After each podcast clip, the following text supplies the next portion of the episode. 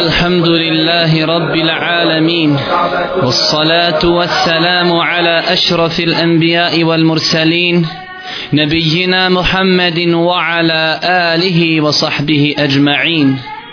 رب اشرح لي صدري ويسر لي أمري واحلل عقدة من لساني يفقه قولي. اللهم علمنا ما ينفعنا وانفعنا ما علمتنا يا أكرم الأكرمين ثم أما بعد Zaista svaka zahvala pripada uzvišenom Allahu subhanahu wa ta'ala. Donosimo salavat i selam na posljednjeg Božijeg poslanika Muhammeda sallallahu alaihi wa sallame, njegovu porodicu, časne ashabe i sve one koji ih slijede na putu istine do sudnjega dana. Na početku, Assalamu alaikum wa rahmetullahi wa barakatuhu. Kao što je najavljeno, večerašnje predavanje posvetit ćemo jednom od prava, a to je pravo komšije. A prije nego počnemo govoriti o pravu komšije, treba spomenuti nekoliko napomena. Jedna od tih napomena jeste cijenjena braćo i, pot, i poštovane sestre, da li smo ikada razmišljali o ljepoti i potpunosti ove vjere, koja nije ostavila niti propustila ničije pravo, već je ova vjera potpuna i dala je svakom njegovo pravo.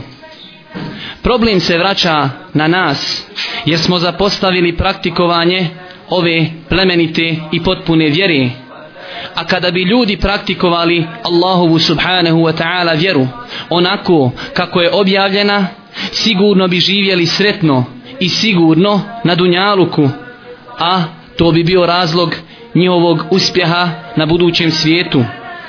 Koliko je problema nastalo zbog nepoštovanja Allahovi subhanahu wa ta'ala granica?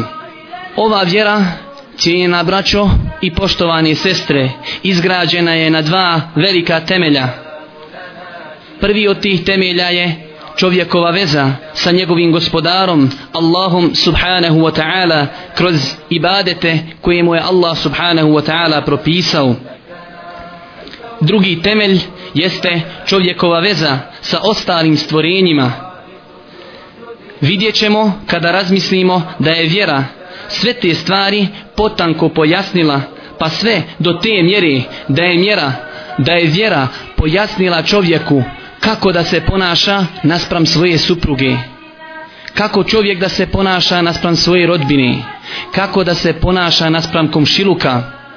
Kako otac da se odnosi naspram svoje djece. Kako djeca da se odnose naspram svojih roditelja. Vjera je također regulisala prava supružnika, prava je tima, odnos muslimana između se, odnos muslimana naspram onih ljudi koji nisu muslimani. Do te mjeri, braćo moja draga i ciljne sestre, da je vjera regulisala kako čovjek da se ponaša naspram životinja. Koliko je samo hadisa u kojim nam Boži poslanik sallallahu alihi wasallame govori o našem odnosu naspram životinja. Pa na primjer hadisi o tome kako čovjek da zakolje životinju. Čime će čovjek zaklati životinju? Koje životinje su zabranjene da se ubijaju? Koje su životinje naređeno da se ubijaju te životinje i mnogo toga drugog? Također ovdje treba spomenuti jednu stvar kada govorimo o pravima, a to je da mnogo ljudi pogrešno svata ovu našu lijepu i potpunu vjeru pa misli da je samo islam da čovjek obavlja pet vakata namaza i da je to sve što je Allah subhanahu wa ta'ala propisao. Zaista je to jedna velika greška i neispravno svatanje islam je vjera koja je došla kao program za cjelokupan ljudski život.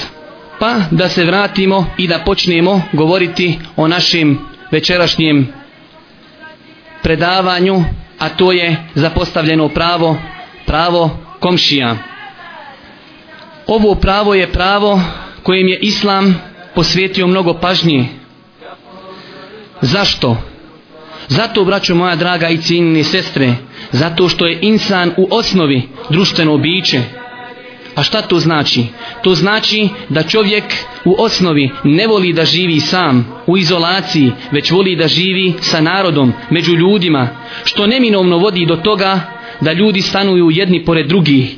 I kada vjera ne bi regulisala odnose između komšija, sigurno bi to bio jedan veliki propust. Kada pogledamo u ovo svjetske zakone, vidjet ćemo da nisu ni blizu onoga što Islam zagovara i traži kada je u pitanju pravo komšija. Vidjet ćemo da Islam uzdiže pravo komšije do te mjere da Boži poslanik sallallahu alihi wasallame kada govori o pravima komšije to mnogo puta povezuje sa vjerovanjem u Allaha subhanahu wa ta'ala. U hadisu koji je zabilježio imam Buharija i Muslim od Ebu Hureyri radijallahu ta'ala anhu da je Boži poslanik sallallahu alaihi wasallam kazao ko vjeruje u Allaha subhanahu wa ta'ala i sudnji dan neka ne uznemirava komšiju. Također hadis koji je zabilježio imam Buharić od Ebu Šurejha el Ka'bija da je rekao Boži poslanik sallallahu alaihi wasallame cijenjena braćo i poštovani sestre poslušajte ovaj hadis. Hadis u kojem Boži poslanik sallallahu alaihi wasallame objašnjava prava komšija. Hadis koji kada čuje vjerničko srce ne može a da ne ustrepti od tog hadisa. Kaže Boži poslanik sallallahu alaihi wasallame tako mi Allaha ne vjeruje. Tako mi Allaha ne vjeruje. Tako mi Allaha ne vjeruje. Pa su prisutni ashabi kazali ko je to o Boži poslaniće zaista je propao. Pa je rekao Boži poslanik sallallahu alihi wasallame onaj od čijeg zla nisu sigurne njegove komšije zato o ti koji uznemiravaš svoje komšije zapitaj se gdje si naspram ovog hadisa u kojem Boži poslanik sallallahu alihi wasallame tri puta se kuni Allahum subhanahu wa ta'ala da onaj ko iznemirava komšije da nije vjernik. Ili poslušajmo sljedeći hadis kojeg je zabilježio imam Buharić od Aisha radijallahu ta'ala anha da je Boži poslanik sallallahu alaihi wasallam kazao nije prestao Džibril alaihi salam da mi oporučuje, oporučuje prava komšije sve dok nisam pomislio da će ga učiniti jednim od nasljednika. Ovaj hadis ima dva tumačenja. Jedno od njih je da komšija ima toliko velika prava da čovjek treba da se lijepo prema njime ponaša kao da je on jedan od rodbine, jedan od nasljednika, a drugi, znači komentar ovog hadisa jeste da komšija ima toliko velika prava da je Boži poslanik sallallahu alaihi wasallam zaista pomislio da će biti on jedan od onih koji će imati svoga udjela u mirazu. Islamski učenjaci kada govore o granici komšiluka, ko je to komšija? Šta to obuhvata riječ komšija, imaju različite stavove. Pa tako naći ćemo neki od islamskih učenjaka da su to ograničili sa 40 kuća sa svake strane čovjekovi. Neki su to pak ograničili da su to oni ljudi koji čuju poziv. Neki su to ograničili da su to ljudi koji klanjaju u istom džematu ali sigurna je jedna stvar braćo moja draga i cijenine sestre a to je da riječ komšija ona je mnogo širijeg pojma nego što to mi shvatamo. Tako naći ćemo islamske učenjake kada pojašnjavaju riječ komšija da kažu da ona obuhvata čovjeka koji je naš komšija u kući čovjek koji je komšija naš na pijaci u lokalu čovjek koji graniči s nama kada je u pitanju njiva. Čovjek čija kancelarija je uz našu kancelariju. Osoba koja sjedi sa nama u školskoj klupi. Osoba koja putuje sa nama. Sve to islamski učenjaci ubrajaju u riječ komšija. Kada pogledamo u prava komšije, braćo moja draga, dovoljno nam je to da je Allah subhanahu wa ta'ala u svojoj plemenitoj knjizi spomenuo dobročinstvo komšije. Tako kaže Allah subhanahu wa ta'ala أعوذ بالله من الشيطان الرجيم واعبدوا الله ولا تشركوا به شيئا وبالوالدين إحسانا وبذي القربى واليتامى والمساكين والجار ذي القربى والجار الجنب والصاحب بالجنب وابن السبيل وابن السبيل وما ملكت أيمانكم إن الله لا يحب من كان مختالا فخورا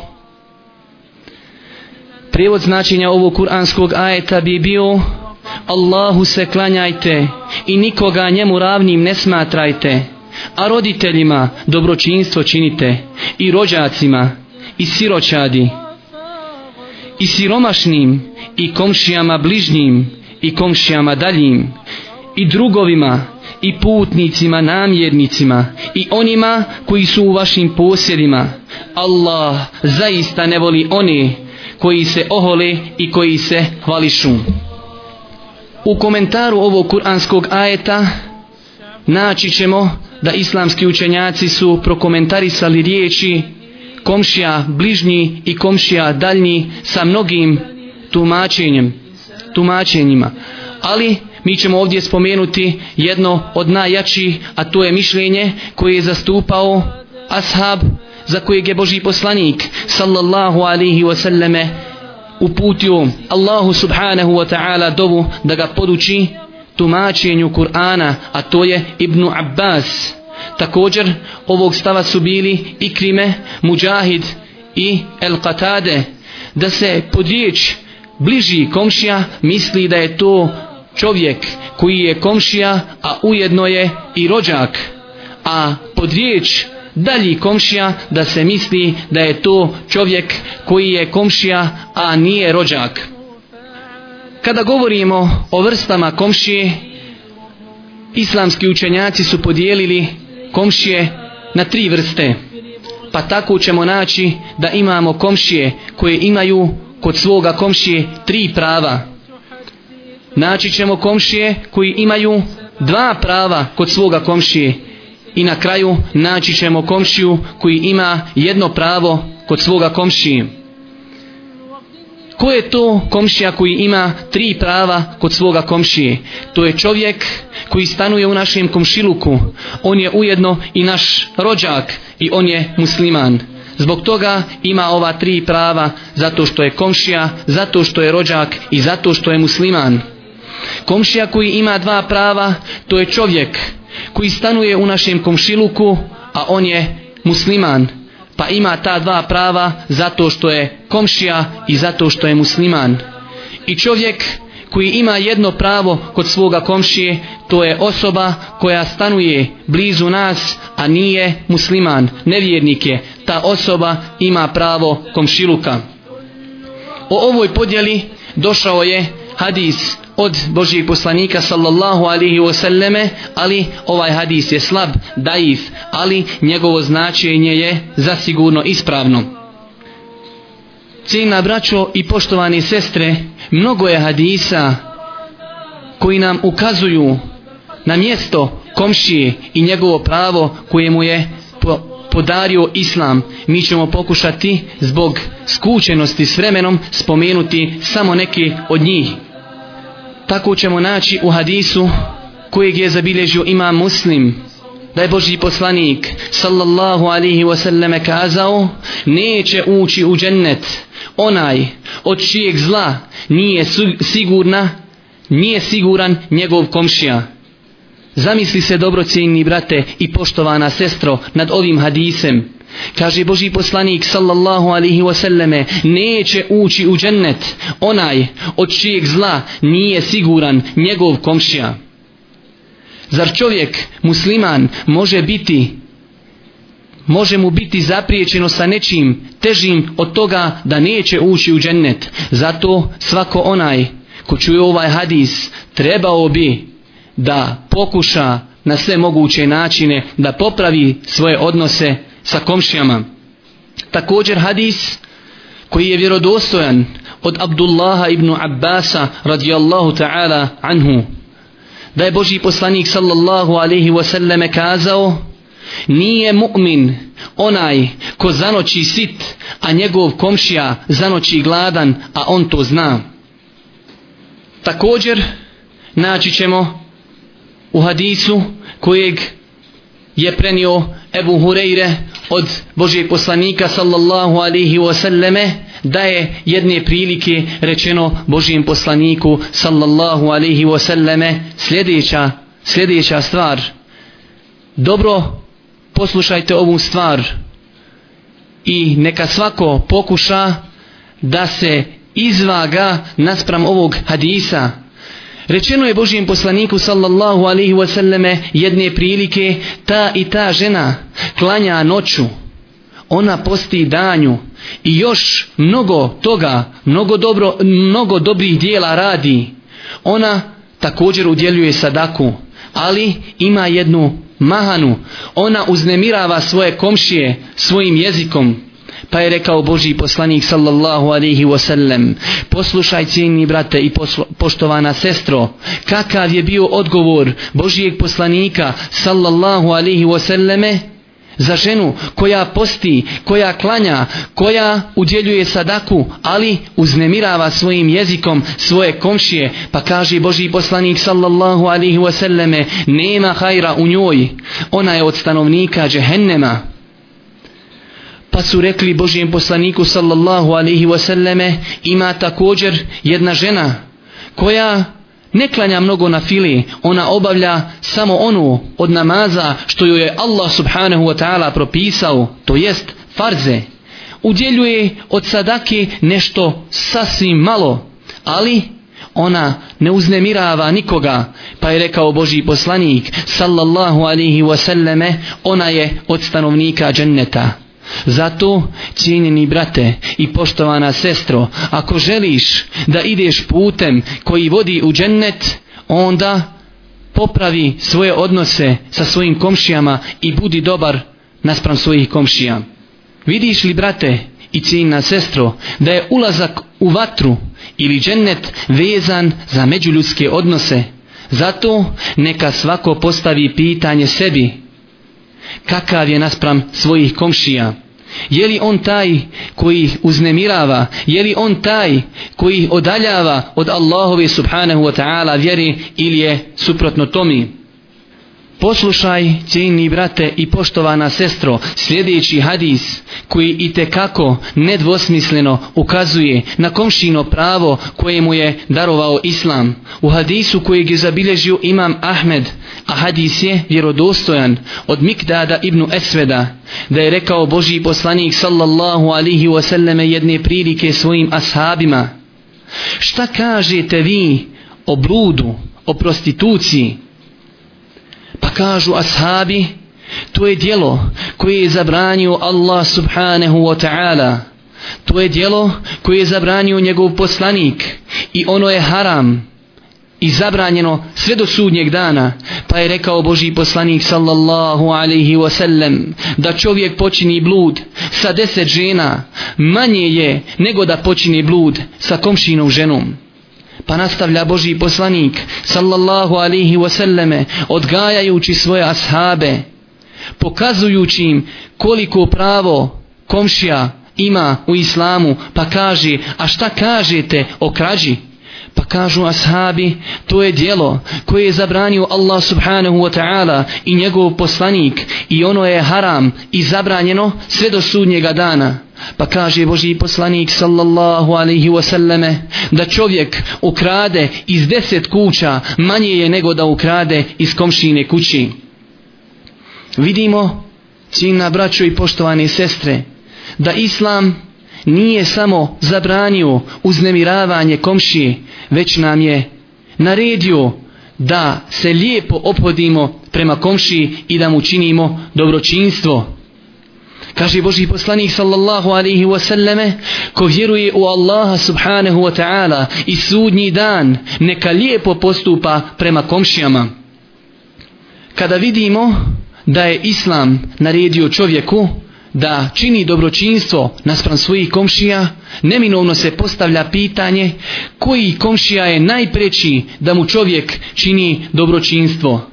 Odgovor ćemo naći u hadisu kojeg je zabilježio imam Buharić od Aisha radijallahu ta'ala anha, kaže, rekla sam, o Boži poslaniće, ja imam dvojicu komšija, pa kojem od njih da dam neki poklon ili hediju, pa kaže Boži poslanik sallallahu alihi wasallame onome koje je bliži tvojim vratima. Također, kada pogledamo ovu tematiku s druge strane, to jest koliko zlo nosi sa sobom loš komšija, najbolje nam o tome govori to da je Boži poslanik sallallahu alihi wasallame osoba koja je najpotpunijeg ahlaka i morala utjecala se Allahu subhanahu wa ta'ala od tog iskušenja. Pa tako ćemo naći u hadisu koji je dobar od Ebu Hureyri radijallahu ta'ala anhu da je Boži poslanik sallallahu alaihi wa sallame govorio o gospodaru ja ti se utješim od loše komši također u hadisu koji je vjerodostojan od Nafja ibn El Harife da je rekao Boži poslanik sallallahu alaihi wasallame tri stvari čine sreću ili tri stvari su od sreći prostrana kuća dobar komšija i ugodna jahalica. A u drugom hadisu kojeg je zabilježio imam Ibn Hibban, a hadis je vjerodostojan kao što je to kazao poznati hadijski ekspert Muhammed Nasruddin Albani, četiri stvari čine sreću, čedna i čestita supruga, prostrana kuća, dobar komšija i ugodna jahalica. Pa nastavlja Boži poslanik sallallahu alihi wasallame, a četiri stvari su nesreća, loša supruga, tijesna kuća, loš komšija i neugodna jahalica. Također, u hadisu kojeg je zabilježio imam Ebu Davud, a hadis je dobar, od Ebu Hureyri radijallahu ta'ala anhu, da je Boži poslanik, sallallahu alaihi wasallame, jedne prilike, obratio se svojim ashabima i kazao, ko će uzeti od mene ove riječi da bi radio po njima ili podučio nekoga ko će raditi po njima. Pa je rekao Ebu Hureyre, ja, o Boži poslaniće, dobro poslušaj, cijenni brate i poštovana sestro ovaj hadis. Ti koji želiš da budeš najpobožniji čovjek na zemlji, ti koji želiš da budeš najbogatiji čovjek, ti koji želiš da budeš mu'min, ti koji želiš da budeš musliman, poslušaj sljedeće savjete kojima je Boži poslanik sallallahu alaihi wasallame savjetovao Ebu Hureyru. Pa kaže Boži poslanik sallallahu alaihi wasallame ostavi ono što je Allah subhanahu wa ta'ala zabranio, bit ćeš najpobožniji čovjek. Budi zadovoljan onim što ti je Allah subhanahu wa ta'ala propisao, bit ćeš najbogatiji čovjek. Budi dobar prema svojim komšijama, bit ćeš mu'min. Voli ljudima ono što voliš i sebi, bit ćeš musliman. I nemoj se mnogo smijati, jer mnošto snijeha umrtljuje ljudsko srce. Nakon što smo spomenuli da kažemo dobar broj hadisa koji ukazuju na veliko pravo komšije, pokušat ćemo spomenuti neka od prava koja je islam podario komšiji. Pa tako ćemo naći u jednom hadisu koji je po nekim islamskim učenjacima slab, a po nekima je dobar. Iz tog razloga nema smetnji da se spomeni stoji da je Boži poslanik sallallahu alaihi wasallame upitao jedne prilike svoje ashabe znate li šta su prava komšije? Pa je nastavio, ako zatraži od tebe pomoć, pomozi mu. Ako zatraži od tebe da mu daš nešto od novca u zajam, daj mu. Ako se razboli da ga obiđeš, ako umre da odeš na njegovu dženazu, ako postigne nešto dobro u životu da odeš i da mu čestitaš, a ako ga zadesi neki musibet da mu izraziš svoje saučišće. Također, mnoga su druga prava koja je Islam dao komšiji. Mi ćemo spomenuti neka od njih. Od prava komšije i to da mu čovjek, komšija, ne viri i ne špijunira njegovu kuću, unutrašnjost njegove kuće. Da ako se desi da pogreši, a svi su ljudi griješni i svi ljudi griješi, da mu halali, da čovjek sakrije neke loše osobine koje zna u svome komšiji, jer čovjek kada stanuje blizu nekog čovjeka, neminovno je da sazna o njemu neke loše stvari koji mnogi drugi muslimani ne znaju. Zato čovjek treba da sakrije te njegove loše osobine. Ne bili Allah subhanahu wa ta'ala na sudnjem danu prekrio njegove loše osobine. Također da čovjek pazi na komšin i metak.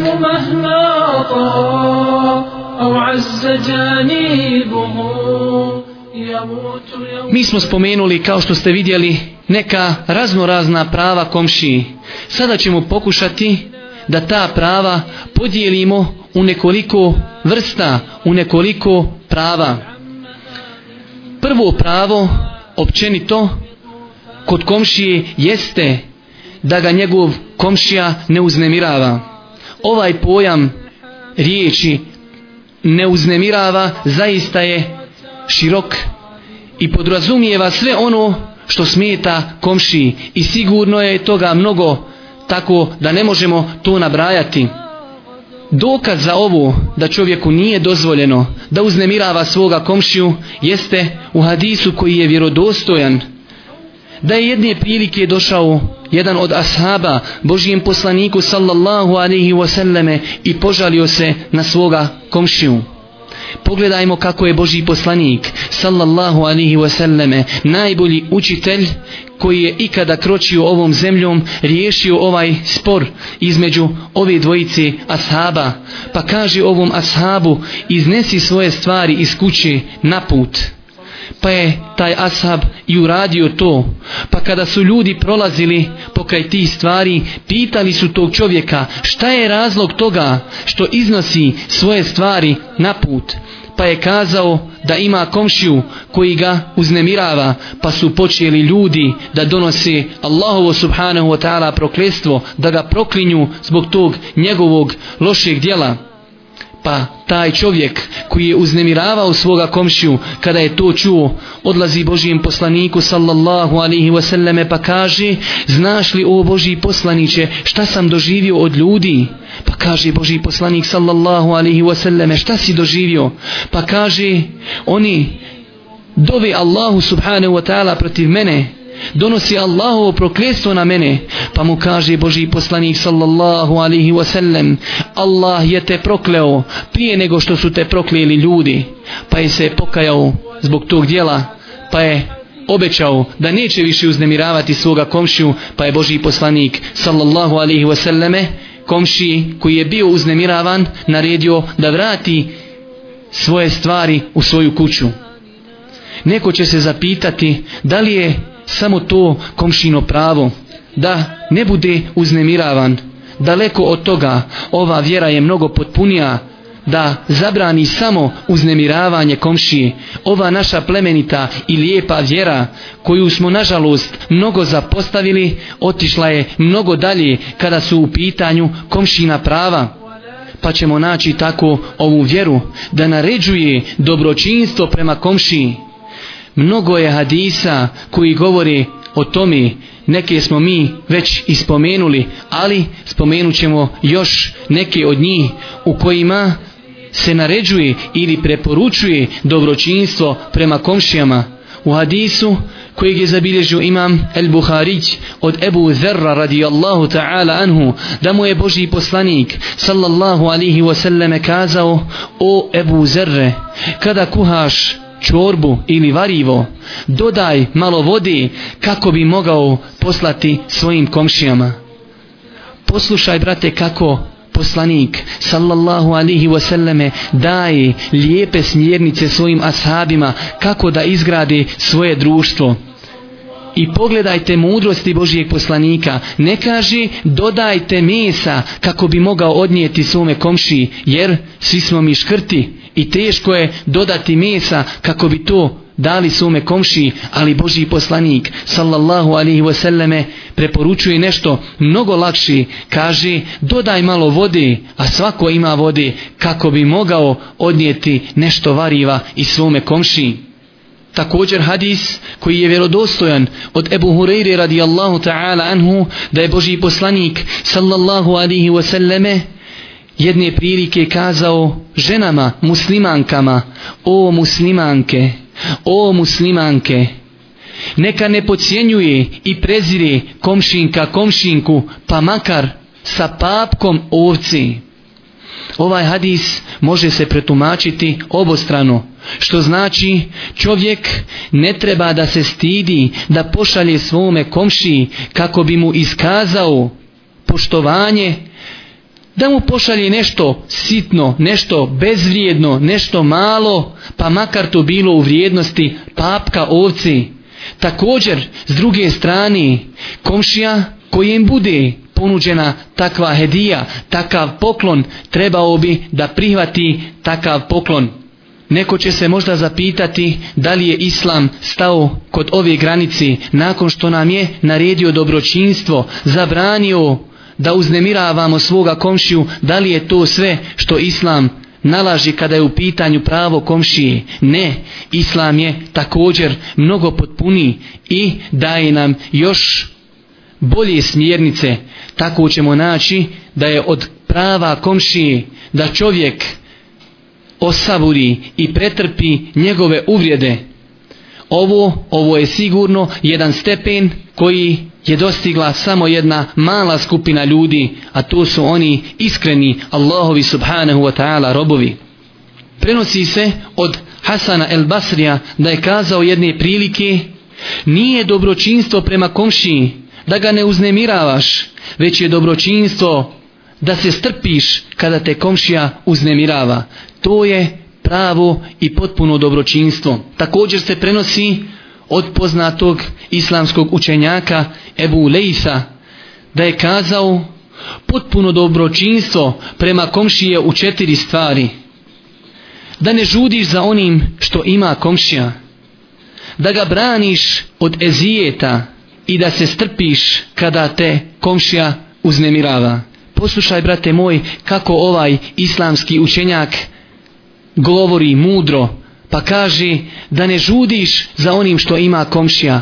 Koliko puta mi padamo na tom ispitu, koliko puta poželimo da imamo ono što ima komšija, a nažalost dosta puta naša bolesna srca ne samo da poželi da mi imamo ono što ima komšija, već mi poželimo da komšiji prestane ta Allahova subhanahu wa ta'ala blagodat. Također, ovaj islamski učenjak kaže da ga braniš od ezijeta i uznemiravanja.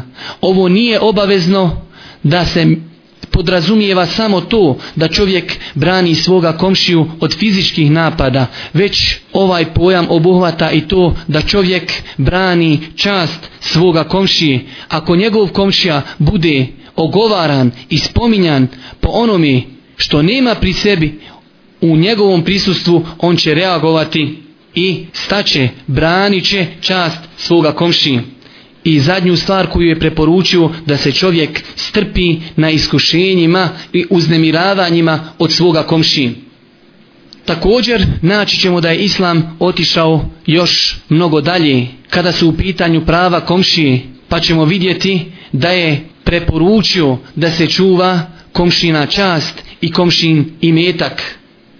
U dosta slučajeva to je razlog zato što je taj komšija čovjek musliman, a čovjek musliman treba da se ponaša naspram svih muslimana, a posebno naspram komšija, po pravilu voli ljudima ono što voliš sebi. Nažalost, dosta puta ćemo naći da smo mi zapostavili savjete Božijeg poslanika sallallahu alaihi wasallame koji je davao svome ummetu. Pa ćemo naći hadis Božijeg poslanika sallallahu alaihi wasallame gdje kaže la yu'minu ahadukum hatta yuhibba li ahihi ma yuhibbu li nefsihi Zaista niko od vas neće biti potpunog imana sve dok ne bude volio svome bratu muslimanu ono što voli sebi. Zato, brate moj, ako želiš da upotpuniš svoj iman, postavi sebi jednu vagu, postavi sebi, sebi jedno pravilo, jedan parametar, a to je da li voliš ljudima ono što voliš sebi. Također, od dokaza da čovjek treba da čuva čast svoga komšije, i njegov imetak, pa makar taj čovjek i ne bio musliman, jeste hadis kojeg smo spomenuli na početku, hadis Mikdada ibn Esveda, da je Boži poslanik sallallahu alaihi wasallame, kada je pitao o zinaluku, kazao da čovjek počini zinaluk sa deset žena manje je nego da počini zinaluk sa ženom svoga komšije. Pa kada je upitao u krađi, kazao je da čovjek ukrade iz deset kuća manje je nego da ukrade iz komšine kući. Ovo sve nedvosmisleno ukazuje na komšina prava kod svoga komšije i nedvosmisleno ukazuje na svetost njegove časti i njegovog imetka.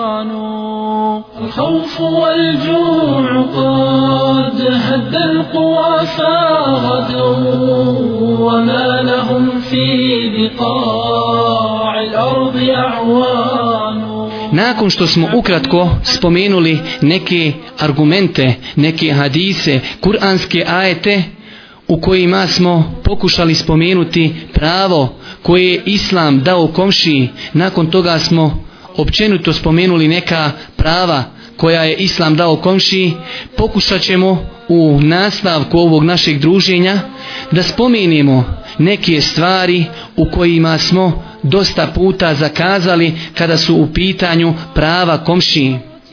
Nažalost, kažemo nažalost, muslimani su u velikoj mjeri zapostavili ovaj dio svoje vjere, kao što su zapostavili i ostali dijelove Allahovi subhanahu wa ta'ala vjeri. Dosta puta ćemo naći da je se komšiluk, komšijski odnosi da su se pretvorili u mržnju, nepoštovanje, prezir, bojkot, zavist, pa čak do te mjeri da dosta puta nesuglasice među komšijama budu riješene sa intervencijom policije a sve to ukazuje koliko su se ljudi odaljili od Allahove subhanahu wa ta'ala vjeri, koliko ne poznaju prava svojih komšija. Zato kažemo, pokušat ćemo spomenuti samo neke od stvari gdje smo svi zakazali. Zato svako od nas ko čuje ove stvari treba da se preispita da li pri sebi ima nešto od spomenutih stvari. Prva stvar koja je sigurno učestala kod nas jeste uznemiravanja komšija. Ovo, braćo moja, draga i ciljni sestre, obuhvata mnogo toga. Mi ćemo spomenuti samo primjera radi nekoliko stvari, a sigurno smo mi svi svjesni šta znači uznemiravanje komšije, šta ova, ovaj pojam i ova riječ obuhvata. Pa na primjer naći ćemo mnoge ljude da parkiraju svoja auta na mjestima gdje smeta njegovom komšiji.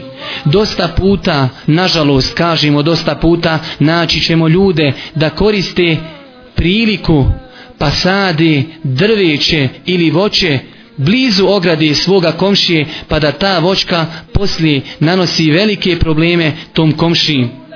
Također naći ćemo dosta puta da komšije jedni druge uznimiravaju puštanjem muzike ili možda paljenjem nekih stvari koje imaju neugodan miris, možda čak da ljudi bacaju smeće pred ulaz svoga komšije i mnogo drugih stvari koje smo kazali da ima ih mnogo, a mi ne možemo spomenuti sve od njih, ali dovoljno je kazati uznemiravanje komšiji također stvar koja je zasigurno mnogo proširena kod nas, a to je zavist.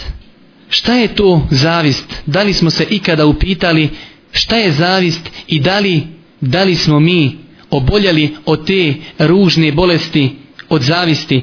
Zavist je da čovjek želi da nekome prestane neka Allahova subhanahu wa ta'ala blagodat.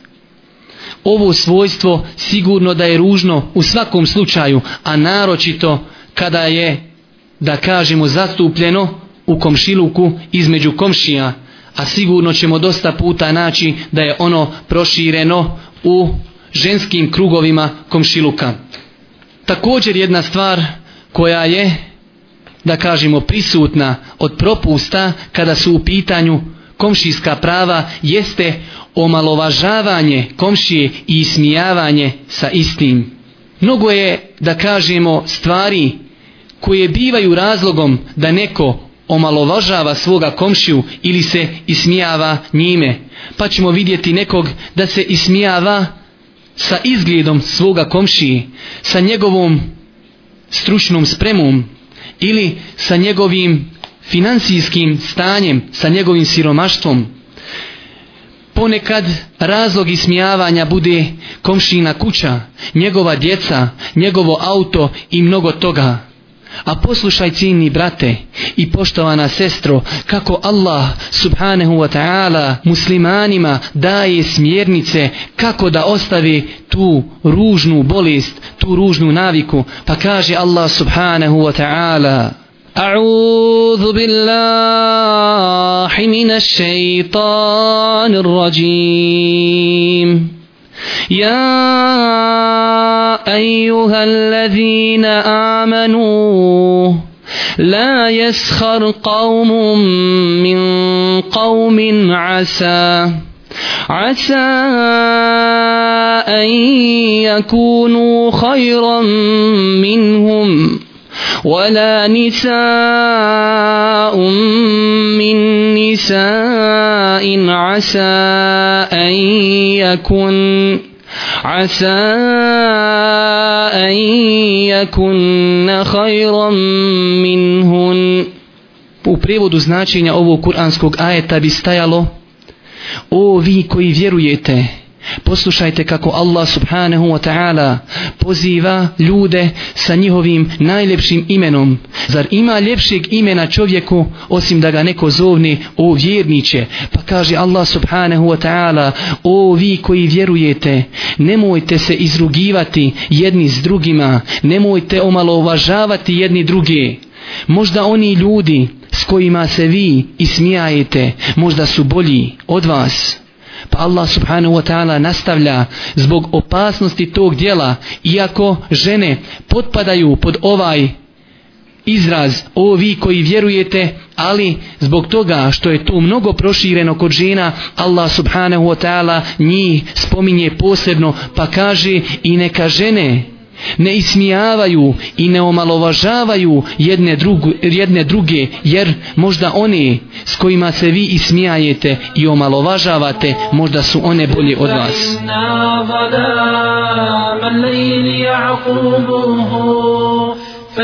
Također od stvari koje su zapostavljene kada je u pitanju komšino pravo jeste razotkrivanje komšinih tajni. Kao što smo kazali, čovjek kada boravi blizu nekog insana, kao njegov komšija, sigurno je da će saznati neke osobine tog čovjeka koje drugi ljudi ne znaju, zato što se mnogo druži sa njim, zato što je u njegovom komšiluku.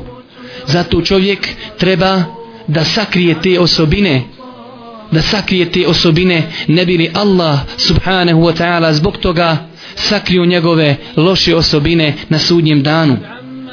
Također, u stvari koje su zapostavljene, odnosno prava komšije koja su zapostavljena, jeste i to da ljudi odbijaju ljude od svojih komšija, a naročito ako su komšije trgovci, to sve radeći iz ovodunjalučkih razloga kako bi možda njihova roba prošla bolje na tržištu.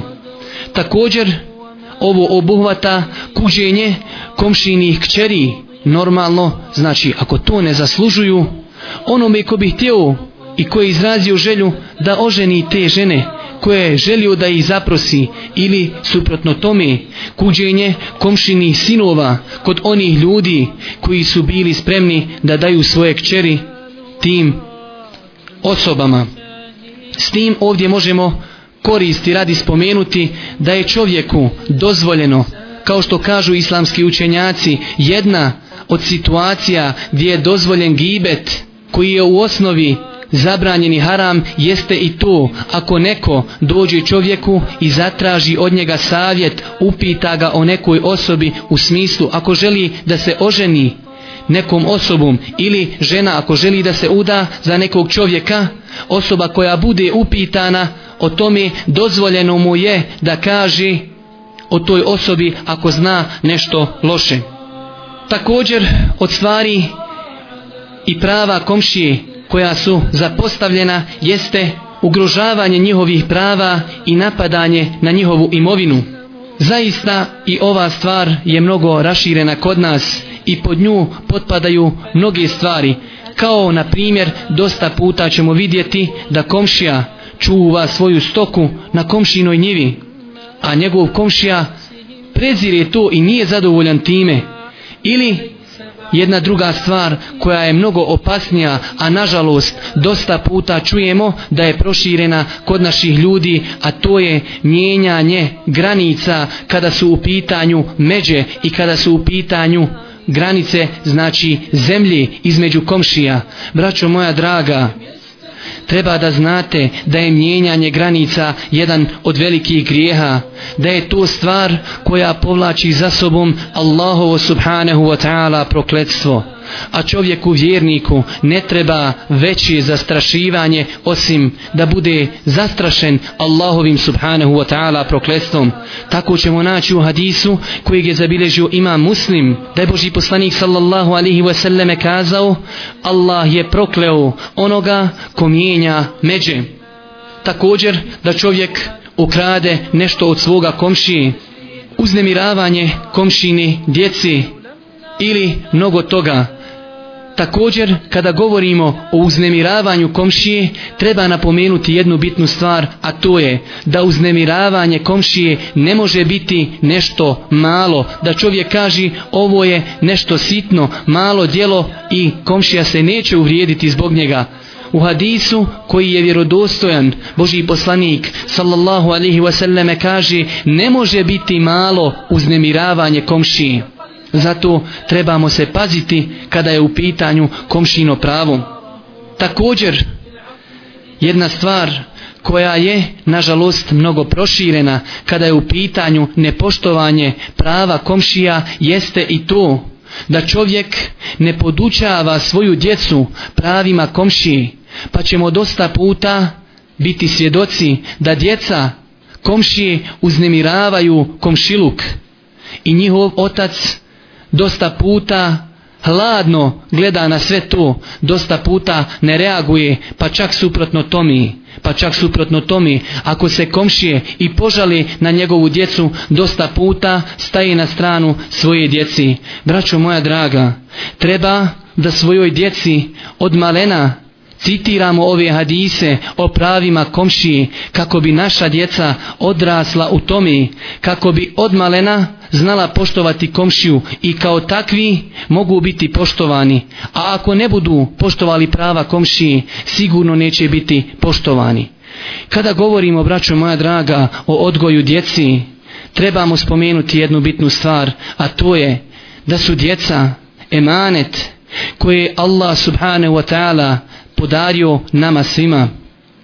I znajte, braćo moja draga, da je to emanet zbog kojeg ćemo biti sigurno pitani. To je stvar koja je nažalost i te kako i te kako zapostavljena u muslimanskim krugovima. Znajte, braćo moja draga, da ćemo biti pitani za našu djecu. Kaže Boži poslanik sallallahu alihi wasallame, kullukum ra'in wa kullukum mes'ulun an ra'ijetihi.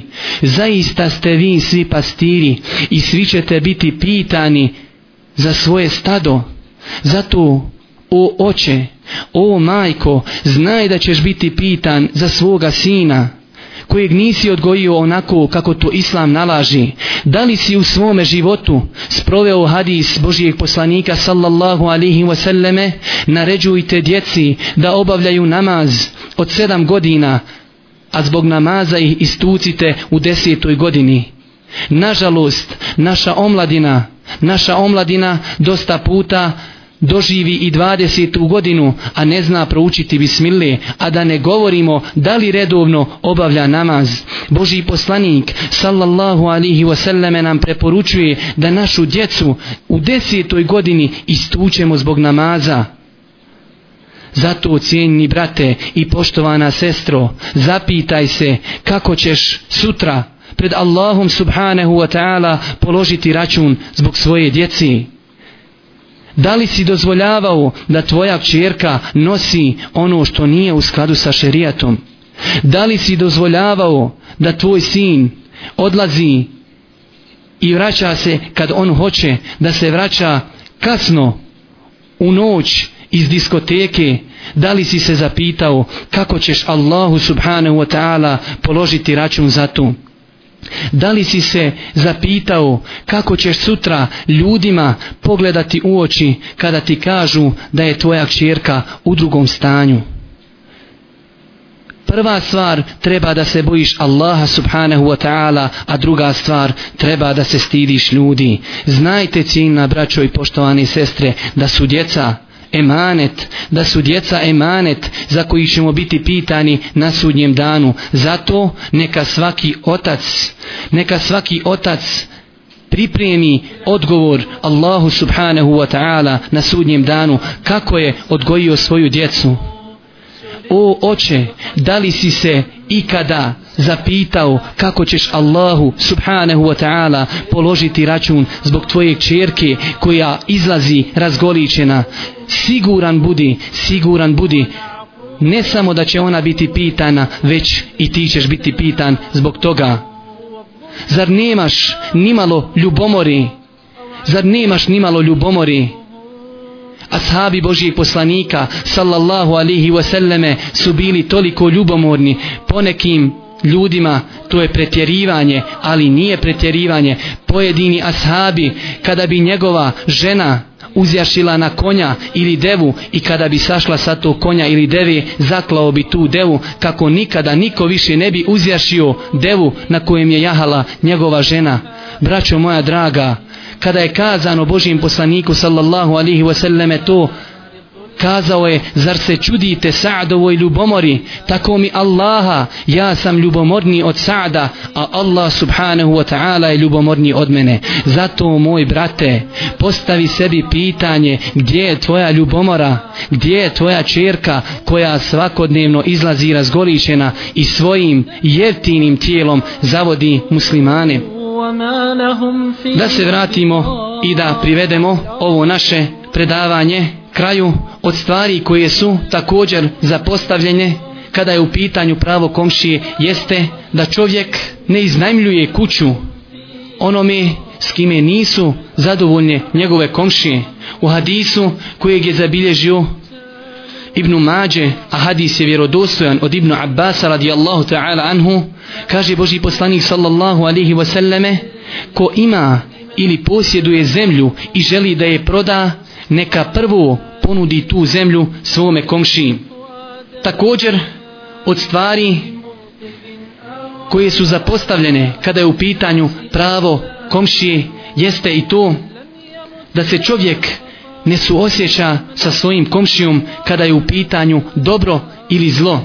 Mnogo ćemo puta naći ljude da je njegov komšija gladan, ali on ne da mu ne želi pomoći, ali on ne zna stanje svoga komšije. Zato i te kako je poželjno da čovjek vodi evidenciju o svome komšiji, da se raspita o njegovom stanju.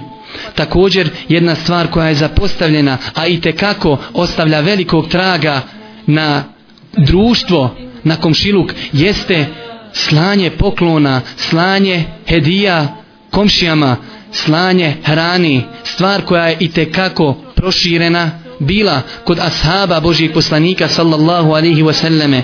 Tako ćemo naći hadis od Abdullaha ibn Amra ibn El-Asa da je kazao jedne prilike kada je zaklao ovcu pitao je ljude jeste li išta odnijeli našim komšiji koji je židov? Jer kaže zaista sam čuo Božijeg poslanika sallallahu alihi wasallam da kaže nije prestao Džibril da mi oporučuje komšiju sve dok nisam pomislio da će biti jedan od nasljednika. Također stvar kojom ćemo i završiti ovo naše druženje jeste ostavljanje savjetovanja kada je u pitanju komšiluk. Nažalost to je također stvar koja je i tekako zapostavljena u našim krajevima a to je da čovjek cijena braću i poštovani sestre treba da kada vidi neke prijestupe kod svoga komšije da ga na, na najlepši način upozori na to. Jer kaže Boži poslanik sallallahu alaihi wasallame rezimirajući ovu našu vjeru u jednu rečenicu kaže ed dinu nasiha zaista je vjera savjet i s druge strane čovjek musliman koji vjeruje u Allah subhanahu wa ta'ala i sudnji dan trebao bi da takav lijep nasihat i savjet prihvati bratski ne da ga prihvati kao takvu da želi čovjek da ga isprovocira ili da mu dokaže da je neko bolji musliman od nekog već da svati to da taj čovjek želi svome komšiji hajr i želi da zajedno na ovom dunjaluku živi lijepo i da zajedno ako Bog da uspiju na ahiretu. I na kraju molimo Allaha subhanahu wa ta'ala da nas učvrsti u ovoj našoj vjeri da nas pomogni u ovim teškim vremenima da nas učini od onih ljudi koji će Allahu subhanahu wa ta'ala vjeru praktikovati u svakom njenom domenu i njenom pogledu. I na kraju subhaneke Allahumma ve bihamdike ešhedu en la ilaha illa ente estagfiruke wa etubu ilaik